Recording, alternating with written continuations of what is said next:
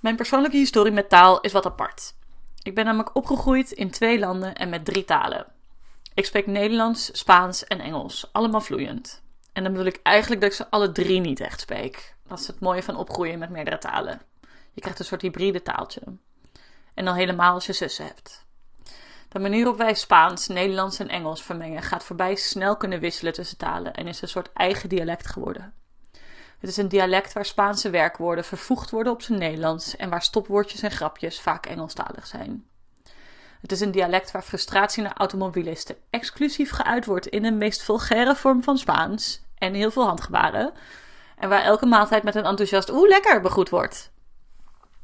Lekker is zelfs zo'n kernwoord in ons dialect dat mijn zus en ik in ons dorp de bijnaam Las Hermanas Lekker hebben gekregen. Het kost soms heel veel moeite om niet in het Las Hermanas Lekker dialect te praten en te schrijven. Om dit stuk in één taal te schrijven moet ik regelmatig diep graven naar de Nederlandse vertaling van een woord.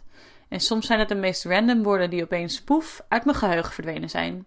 Zoals toen ik tree en arbol direct wist, maar ik boom uiteindelijk moest googelen. Mijn persoonlijke taalhistorie heeft er ook toe geleid dat ik sterke meningen heb over sommige woorden. Zo weiger ik bijvoorbeeld anderstalige woorden voor stofzuiger te gebruiken. Vacuum cleaner, dat zijn twee woorden en is veel te lang. Aspiradora, het valt amper uit te spreken en is al helemaal niet te onthouden. Stofzuiger is lekker krachtig en komt overeen met de intensiteit van de activiteit.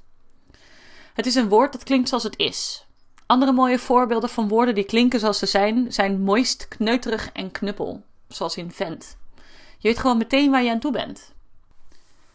Dankzij mijn opvoeding in het Las Hermanas Lekker dialect heb ik het ook niet zo nauw met de taalregels. Sinds kort is Jalses de enige manier waarop ik nog twee of meer mensen wil aanspreken en heet de kleine snacks nu snacketjes.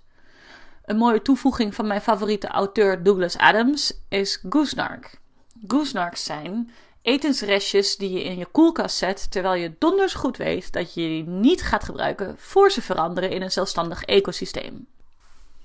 Het Hermanas Lekker dialect heeft relatief weinig sprekers, maar het aantal mensen dat het taaltje kunnen verstaan en zelfs spreken neemt toe. Het is misschien niet geheel toevallig dat deze toename zich onder de partners van de Las Hermanas Lekker bevindt, maar goed. Hoe dan ook, het Las Hermanas Lekker dialect leeft en wie weet groeit het ooit uit tot een echte taal. Eentje waar taalkundigen zich over zullen buigen en de oorsprong van zullen herleiden tot drie meisjes die een tortilla voorgeschoteld kregen.